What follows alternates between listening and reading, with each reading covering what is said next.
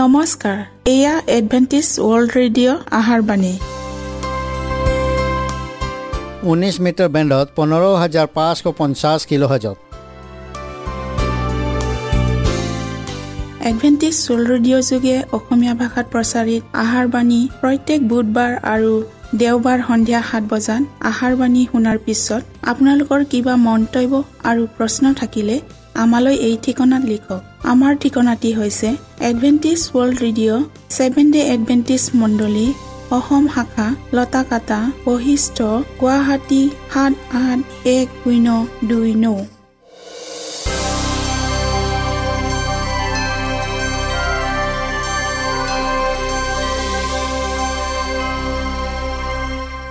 প্ৰিয় শ্ৰোতা বন্ধুসকল এতিয়া শুনো আহক এটি খ্ৰীষ্টীয় ধৰ্মীয় গীত।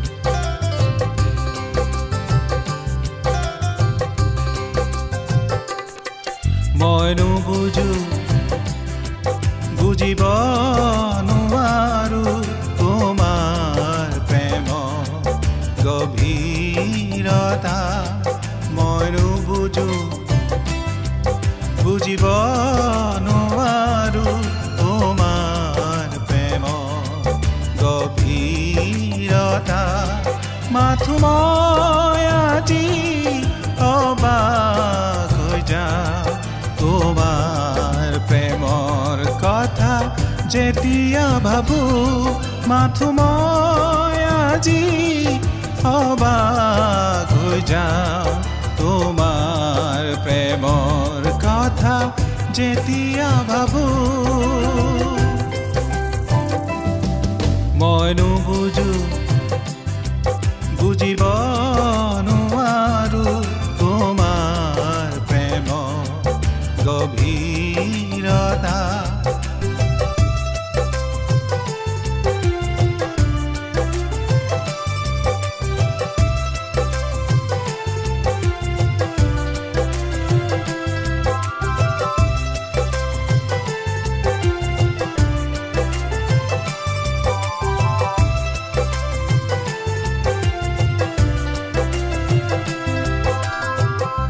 তুমি সহিলা নিষ্ঠুৰ যাতনা ক্ৰুচৰ নিজকে অৰ্পিলা মোৰ পাপৰ বুজা বহন কৰিলা তোমাৰ তেজেৰে মোক উদ্ধাৰিলা তুমি সহিলা নিষ্ঠুৰ যাতনা ক্ৰুচৰ ওপৰ নিজকে অৰ্পিলা মোৰ পাপৰ বুজা বহন কৰিলা তোমাৰ তেজেৰে মোক উদ্ধাৰিলা ভাষা নাই আজি বুজাবলে যিছু তোমাৰ ত্যাগৰ কথা ভাষা নাই আজি বুজাবলে যিছু তোমাৰ ত্যাগৰ কথা মই নুবুজো বুজিব নোৱাৰো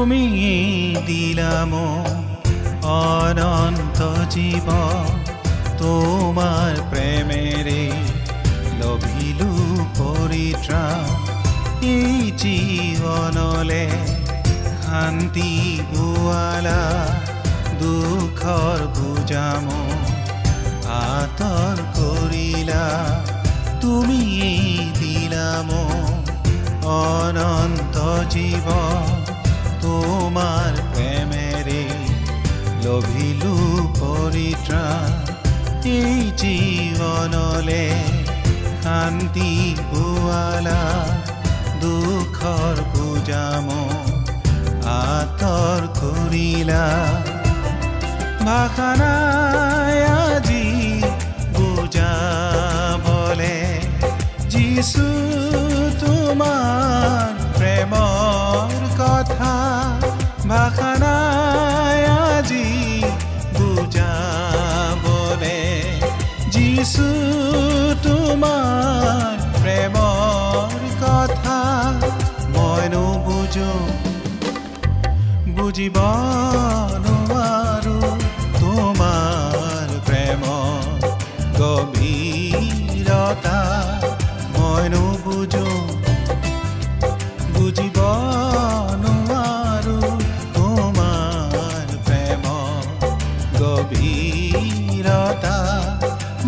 মই আজি তোমাৰ প্ৰেমৰ কথা যেতিয়া তোমাৰ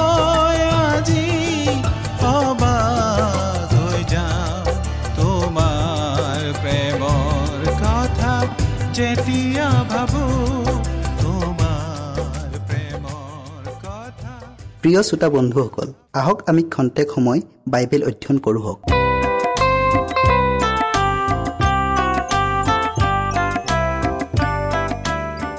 প্ৰিয় শ্ৰোতাসকল আজি আমি যোৱা অনুষ্ঠানৰ মানৱ আৰু ছয়তানৰ মাজত শত্ৰুতা ইয়াৰ বাকী আৰু শেষ অংশটো আকৌ অধ্যয়ন কৰোঁ হওক।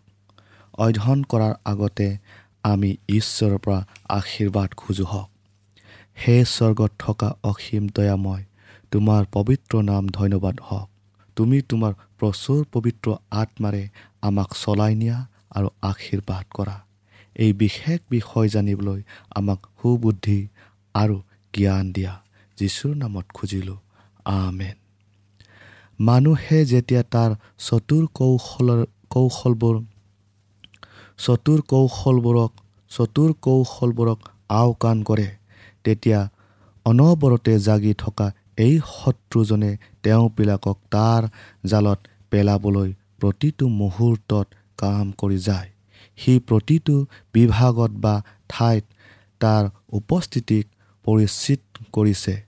ঘৰত আমাৰ নগৰ চহৰবোৰত প্ৰতিটো অলিয়ে গলিয়ে মণ্ডলীত ৰাষ্ট্ৰীয় পৰামৰ্শ সভা ন্যায়ালয়ত সকলোতে উপস্থিত থাকি সি বিভ্ৰান্তিকৰ পৰিস্থিতি সৃষ্টি কৰিছে। কাৰোবাক প্ৰতাৰণা কৰিছে কাৰোবাক বিপদগামী কৰাইছে। পুৰুষ কি মহিলা নাইবা ল'ৰা ছোৱালী সকলোকে বিপদে পৰিচালিত কৰি সিহঁতৰ আত্মা শৰীৰ আৰু মনবোৰক নষ্ট কৰিছে। সিহঁতৰ পৰিয়াল ভাঙি চূৰ্ণ বিচূৰ্ণ কৰি দিছে। সিহঁতৰ মাজত ঘৃণা হাই কাজিয়া সংঘাত সংঘৰ্ষ এনেকৈ ৰাষ্ট্ৰ আৰু নৰহত্যাৰ বীজ সিঁচি দিছে। আৰু খ্ৰীষ্টানসকলে এইবোৰক এনেভাৱে ভাবি লৈছে যে ঈশ্বৰেহে যেন এইবোৰ ঘটনা আগতে ঠিক কৰি ৰাখিছে। গতিকে এনেদৰে হোৱাটো নিশ্চিত। শ্ৰোতাসকল যিটোৱে ঈশ্বৰৰ লোকবিলাকক জগতৰ পৰা পৃথক কৰি ৰাখিছে সেই প্ৰতিবন্ধকটো ভাঙি পেলোৱাৰ দ্বাৰাই ছয়তানে তেওঁবিলাকৰ ওপৰত বিজয় সাব্যস্ত কৰিবলৈ অহৰহভাৱে চেলু বিচাৰি আছে। অতীতৰ ইজৰাইল জাতিটোৱে পাপত লিপ্ত হৈছিল যেতিয়া তেওঁবিলাকে নিষেধ কৰা প্ৰতিমা পূজকসকলৰ সৈতে সম্বন্ধ গঢ়াৰ দৰে বিপদজনক কাৰ্য কৰিবলৈ আগবাঢ়ি গৈছিল। সেই একে আচৰণৰ দ্বাৰাই আধুনিক ইজৰাইল জাতিটো আজি ঈশ্বৰৰ পথৰ পৰা খহি পৰিছে। ঈশ্বৰৰ প্ৰতিমূৰ্তি যি খ্ৰীষ্ট তেওঁৰ গৌৰৱ প্ৰকাশক সুবাৰ্তাৰ দীপ্তি যেন প্ৰকাশিত নহয় এইকাৰণে এই যুগৰ দেৱতাই সেই বিশ্বাস নকৰাবিলাকৰ জ্ঞান চকু অন্ধ কৰিলে। দ্বিতীয় কৰিন্তীয়া চাৰি চাৰি পদটো আপোনালোকে পঢ়ক। যিসকল খ্ৰীষ্টৰ দৃঢ় সংকল্পবদ্ধ অনুসৰণকাৰী নহয় তেওঁবিলাক ছয়তানৰ হেদা। অসংস্কৃত হৃদয়ৰ পাপৰ প্ৰতি অনুৰাগৰহে জন্ম হয় আৰু ইয়াক নিজৰ ভিতৰৰ লুকুৱাই ৰক্ষণাবেক্ষণহে দিয়ে। এখন সংস্কৰিত নতুন হৃদয়ৰ পাপৰ প্ৰতি ঘৃণা উপজে আৰু ইয়াক প্ৰতিৰোধ কৰিবলৈ মন স্থিৰ কৰা হয়। যেতিয়া খ্ৰীষ্টানে ঈশ্বৰ নমনা অধৰ্ম আৰু অবিশ্বাসীবিলাকৰ সমাজ এখনৰ লগত মিলা মিছা কৰিবলৈ লয় তেতিয়া তেওঁবিলাকে নিজেই প্ৰলোভন মাতি আনে। ছয়তানে মানুহৰ দৃষ্টিৰ পৰা নিজকে ঢাকি থয় আৰু তেওঁবিলাকৰ চকুত ধূলি মাৰি সি তাৰ প্ৰতাৰণাবোৰক মনে মনে প্ৰয়োগ কৰে। তেওঁবিলাকে এইটো কেতিয়াও দেখা নাপায় যে তাৰ নিচিনা বন্ধুৱেও যে কেতিয়াবা সিহঁতৰ অপকাৰ কৰিব পাৰে। আৰু যেতিয়া তেওঁবিলাকে জগতৰ চৰিত্ৰৰ লগত নিজকে অনবৰতে খাপ খুৱাই যাব তেতিয়া কথা বতৰা আৰু কাম কাজত তেওঁবিলাকে অধিক অধিককৈ অন্ধ হৈ যাব। শ্ৰোতাসকল জাগতিক সংস্কৃতিৰ লগত বা অভ্যাসৰ লগত একাকাৰ অথবা অনুৰূপ হোৱাৰ দ্বাৰাই মণ্ডলীটো জাগতিক হৈ পৰে। এনেকুৱা এটা মণ্ডলীয়ে জগতখনৰ কৃষ্টলৈ আনিব নোৱাৰে। পাপৰ লগত একাত্মক বা ঘনিষ্ঠতা গঢ়াৰ দ্বাৰাই পাপৰ কদৰ্য আৰু বিভৎস ৰূপটোকহে কম কৰা হয়। সি যিজনে ছয়তানৰ দাসৰ সংগী হ'বলৈ সিদ্ধান্ত লয় তেওঁ অতি সোনকালে নিজৰ প্ৰভুক ভয় কৰিবলৈ এৰি দিব। আমাৰ কৰ্মময় জীৱনত যেতিয়া আমাক পৰীক্ষাত অনা হ'ব যেনেকৈ দানিয়েলক ৰাজদুৱাৰত অনা হৈছিল তেতিয়া ঈশ্বৰে আমাক ৰক্ষা কৰিব বুলি নিশ্চিন্ত হৈ থাকিব লাগিব। কিন্তু আমি যদি নিজে নিজকে প্ৰলোভন আহিব পৰা অৱস্থাত ৰাখি থওঁ তেতিয়া সেই মুহূৰ্তত নাইবা পিছত হ'লেও পতন হোৱাটো নিশ্চিত। প্ৰতাৰকজনে প্ৰায়ে সফলতাৰে সেইবিলাক ব্যক্তিৰ জৰিয়তে কাম কৰে। যিবিলাক ব্যক্তি তাৰ নিয়ন্ত্ৰণত থকা স্বত্তেও ইমান এটা সন্দেহজনক নহয় অৰ্থাৎ তাৰ দ্বাৰাই পৰিচালিত ব্যক্তি বুলি ধৰিব পৰা নাযায়। উচ্চ শিক্ষিত আৰু প্ৰতিভা সম্পন্ন ব্যক্তিবিলাকক এনেদৰে আদৰ সাদৰ প্ৰশংসা আৰু মান সন্মান কৰা হয় যে যেন তেওঁবিলাকৰ এই গুণবোৰেই ঈশ্বৰৰ প্ৰেম আৰু কৰোণাৰ অবিহনে তেওঁবিলাকক প্ৰায়চিত্ৰ কৰিব নাইবা এই গুণবোৰৰ দ্বাৰাই তেওঁৰ প্ৰেম কৰোণাক অৰ্জন কৰিব। প্ৰতিভা আৰু বৌদ্ধিক বিকাশ এইবোৰ ঈশ্বৰৰ পৰা অহা বৰদান বুলি তেওঁবিলাকে নিজেই উপলব্ধি কৰিব লাগে। কিন্তু এইবোৰ গুণকে যদি ধৰ্মনিষ্ঠতা আৰু নৈতিকতা বুলি ভবা হয় তেন্তে এইবোৰে ব্যক্তিজনক ঈশ্বৰৰ ওচৰলৈ নিয়াৰ পৰিৱৰ্তে তেওঁক তেওঁৰ পৰা দূৰলৈহে লৈ যাব আৰু যেতিয়া এইবোৰ এটা অভিশাপ আৰু ফানস্বৰূপহে হ'ব বহুতো মানুহৰ মাজত এইটো আলোচনা কৰা শুনা যায় যে সৌজন্যতা অথবা মাৰ্জিত শিষ্টাচাৰিতা এইবোৰ গুণ কিছু পৰিমাণে কোনোবা এটা ক্ষেত্ৰত হ'লেও কৃষ্টৰ লগত সম্বন্ধ আছে। এনে আলোচনা একেবাৰে অশুদ্ধও নহয়। এনেধৰণৰ গুণবোৰ প্ৰতিজন খ্ৰীষ্টানৰে থকা উচিত। কাৰণ এটা প্ৰকৃত ধৰ্মৰ জনপ্ৰিয়তাৰ ক্ষেত্ৰত এনেবোৰ গুণে এটা শক্তিশালী প্ৰভাৱ পেলাব। কিন্তু এনেবোৰ গুণক ঈশ্বৰৰ চৰণত পবিত্ৰ উদ্দেশ্যত উৎসৰ্গা কৰিব লাগিব। অন্যথা ই অধাৰ্মিকতা আৰু দুষ্টতাৰ শক্তিশালী অস্ত্ৰত পৰিণত হ'ব পাৰে। বৌদ্ধিক জ্ঞান আৰু আদৰণীয় আচাৰ ব্যৱহাৰ সম্পন্ন এনে বহুতো ব্যক্তি আছে যিবিলাক ব্যক্তি সাধাৰণতে অনৈতিক কাৰ্য বুলি ভবা কাৰ্যবোৰতো জড়িত নহয়। তেনেবিলাক ব্যক্তিও কিন্তু ঘঁহি ঘঁহি নিমজ কৰা ছয়তানৰ হাতৰ চিকচিকীয়া অস্ত্ৰহে। তাৰ প্ৰভাৱ আৰু আদৰ্শৰ গোপনে অপকাৰ কৰা শক্তি আৰু চলনাময় চৰিত্ৰবোৰ খ্ৰীষ্টানৰ বাবে সেই অজ্ঞানী আৰু নিৰ্ভূত শত্ৰুবিলাকতকৈ অধিক মাৰাত্মক। শ্ৰোতাসকল অতি গভীৰ আন্তৰিকতাময় প্ৰাৰ্থনা কৰাৰ দ্বাৰাই আৰু ঈশ্বৰৰ ওপৰত সম্পূৰ্ণ ভৰসা কৰি চলোমনে এনে জ্ঞান লাভ কৰিছিল যি জ্ঞানে সকলোকে চমক খুৱাইছিল আৰু যাক সমগ্ৰ জগতে প্ৰশংসা কৰিছিল।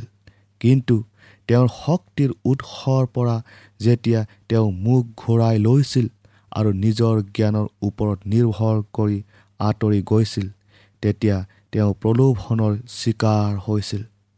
তেতিয়া আটাইতকৈ জ্ঞানী ৰজাজনক যি আচৰিত জ্ঞান আৰু শক্তি দিয়া হৈছিল সেইবোৰৰে তেওঁৰ মানুহক পৰম শত্ৰু ছয়তানৰহে প্ৰভাৱশালী প্ৰতিনিধিত পৰিণত কৰিছিল।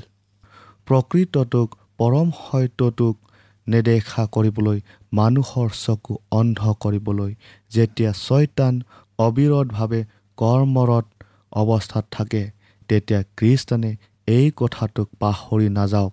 যে তেওঁবিলাকে তেজ আৰু মাংসৰে সৈতে মাল যুদ্ধ কৰা নাই। কিন্তু অধিপত্য ক্ষমতা এই অন্ধকাৰৰ অধিপতি আৰু স্বৰ্গীয় ঠাইবোৰত দুষ্টতাৰ আত্মিক দলবোৰে সৈতেহে যুদ্ধ কৰিছে। ইফিচিয়া ছয় অধ্যায়ৰ বাৰ পদত। অতি প্ৰেৰণাদায়ক এই সতৰ্কবাণীটো শ শ বছৰ ধৰি আজিও আমাৰ দিনলৈকে চিঞৰিয়েই আছে সচেতন হোৱা পৰ দি থকা তেনেদৰে। গুজৰি থকা সিংহৰ দৰে তোমালোকৰ শত্ৰু ছয়তানে কাক কেনেকৈ গ্ৰাস কৰিব পাৰিব তাৰ উপায় বিচাৰি ফুৰিছে। প্ৰথম পিতৰ পাঁচ অধ্যায়ৰ আঠ পদটো আপোনালোকে পঢ়ক। ছয়তানৰ নানাবিধ কুকল্পনাৰ সন্মুখত তীৰে থাকিবলৈ সমৰ্থ হ'বৰ কাৰণে ঈশ্বৰৰ আটাই সাজ পিন্ধা। ই পিচিয়া ছয় এঘাৰ এঘাৰ পদত। শ্ৰোতাসকল আদমৰ দিনৰে পৰা আমাৰ দিনলৈকে আমাৰ মহাশত্ৰুজনে মানুহক দমন কৰি ৰাখিবলৈ আৰু বিনষ্ট কৰিবলৈ তাৰ সকলো শক্তি প্ৰয়োগ কৰি আহিছে। মণ্ডলীৰ অহিতে এতিয়া সি তাৰ অন্তিম যুদ্ধখনক প্ৰস্তুত কৰি আছে যিসকলে যীচুক অনুসৰণ কৰিবলৈ মনস্থ কৰিছে। তেওঁবিলাক সকলোৱে নিৰ্দয় শত্ৰুজনৰ সৈতে সংঘৰ্ষত লিপ্ত হ'ব লাগিব। খ্ৰীষ্টানে যিমান অধিক পৰিমাণে ঐশ্বৰিক সাঁচত গঢ়িবলৈ আৰম্ভ কৰিব সিমান অধিক পৰিমাণে ছয়তানৰ আক্ৰমণৰ লক্ষ্যত পৰিণত হ'ব। যিসকলে সক্ৰিয়তাৰে ঈশ্বৰৰ কাৰ্যত জড়িত হৈ থাকে খ্ৰীষ্টক মানুহৰ আগত উপস্থাপন কৰিবলৈ দুষ্টজনৰ প্ৰতাৰণাৰ আটাইবিলাক পৰ্দা আৰু ঢাকনি আঁতৰাই পেলাব বিচাৰে। তেওঁবিলাকে পৌলৰ সুৰতে সুৰ মিলাই সেই একে সাক্ষ্যকে দিব পাৰিব যি সাক্ষ্যত পৌলে সকলো দুখ কষ্ট অধিক চকুলোৰে আৰু অনেক পৰীক্ষা প্ৰলোভনৰ মাজেৰে প্ৰভুৰ পৰিচৰ্যা কৰিলোঁ বুলি কৈছিল। ছয়তানে তাৰ আটাই ক্ৰোধতা আৰু হিংস্ৰতাৰে আৰু চতুৰ প্ৰলোভনেৰে খ্ৰীষ্টৰ ওপৰত আক্ৰমণ কৰিছিল। কিন্তু তাৰ প্ৰতিটো সংঘৰ্ষত সি মুখ থেকেচা খাইছিল। সেই যুদ্ধবোৰ আমাৰ নিমিত্তেও কৰা হৈছিল। সেই বিজয়বোৰেই আমাকো বিজয়ী হ'বলৈ সম্ভৱ কৰি তুলিলে। যিবিলাকে এনে বিজয় পাবলৈ বাঞ্ছা কৰে তেওঁবিলাক সকলোকে কৃষ্টই শক্তি দিব। নিজকে ছয়তানৰ হাতত এৰি নিদিলে সি কাকো পৰাজয় কৰিব নোৱাৰে। প্ৰলোভন দেখুৱাওঁতা অৰ্থাৎ পৰীক্ষা কৰোঁতা ছয়তানে ব্যক্তিজনৰ বিনা সন্মতিত কাৰো মনৰ ইচ্ছাক নিয়ন্ত্ৰণ কৰিব নোৱাৰে নাইবা পাপ কৰিবলৈ কাকো বলপূৰ্বক কৰিব নোৱাৰে। সি ব্যক্তিজনক ক্লেহ বিঘিনি অথবা যাতনা দিব পাৰে। কিন্তু কলসিত কৰিবলৈ নোৱাৰে। সি নিদাৰুণ যন্ত্ৰণা আদি দিব পাৰে কিন্তু মানুহজনক অধাৰ্মিক অপবিত্ৰ কৰিব নোৱাৰে। আচল কথাটো হৈছে যে কৃষ্টৰ যি বিজয় সেই বিজয়ে তেওঁৰ অনুসৰণকাৰীসকলক পাপ আৰু ছয়তানৰ বিৰুদ্ধে হাঁহেৰে আৰু বীৰত্বৰে যুঁজিবলৈ অনুপ্ৰেৰণা দিয়া উচিত। প্ৰিয় শ্ৰোতাসকল এইটোৰ বিষয়ে আজি আমি ইয়াতে সামৰিলোঁ। আশা কৰোঁ আপোনালোকে এইটোৰ বিষয়ে সম্পূৰ্ণকৈ বুজি পাইছে বুলি। আৰু লগতে আশা কৰোঁ যে আপোনালোকক পৰৱৰ্তী অনুষ্ঠানত পুনৰ লগ পাম বুলি। ঈশ্বৰে আপোনালোকক আশীৰ্বাদ কৰক।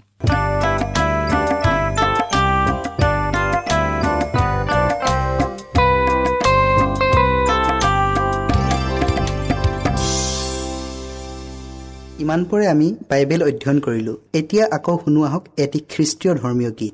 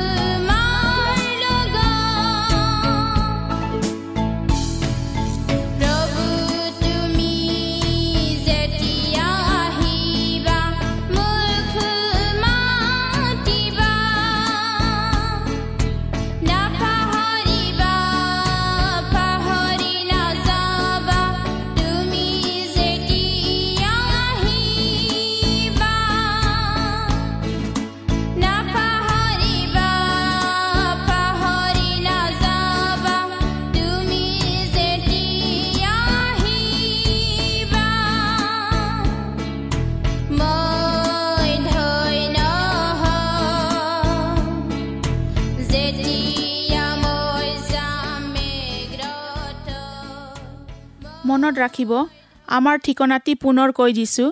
Adventist world radio' Assam region of seven day Adventist voice of hope Latakata Basistha Guwahati seven eight one zero' two nine প্ৰিয় শ্ৰোতা বন্ধুসকল এডভেণ্টিজ ৱৰ্ল্ড ৰেডিঅ' যোগে আহাৰবাণী প্ৰচাৰত আপোনালোকক পুনৰ লগ পোৱাৰ আহাৰে আজিলৈ সামৰিলোঁ। ধন্যবাদ।